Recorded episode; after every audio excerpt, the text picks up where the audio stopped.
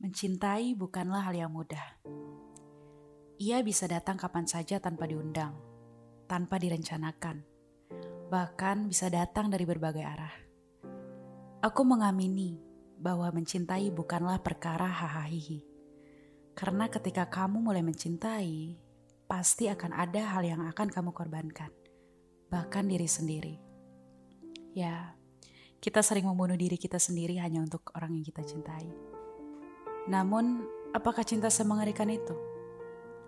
Tentunya ya tidak semuanya senaif itu. Tidak jika kita menganggap cinta adalah nafas kehidupan. Tentunya kita hidup untuk orang yang kita cintai.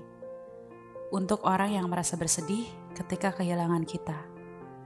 Tetaplah hidup dengan cinta, sebab kehadiranmu juga sangat dibutuhkan. Menurutku cukup sesederhana itu dalam makna pengorbanan. Ya, mencintai diri sendiri adalah hal yang harus kamu prioritaskan sebelum mencintai orang lain. Dengan begitu, kamu akan lebih tahu kapasitas sehingga dapat meminimalisir rasa kecewa itu.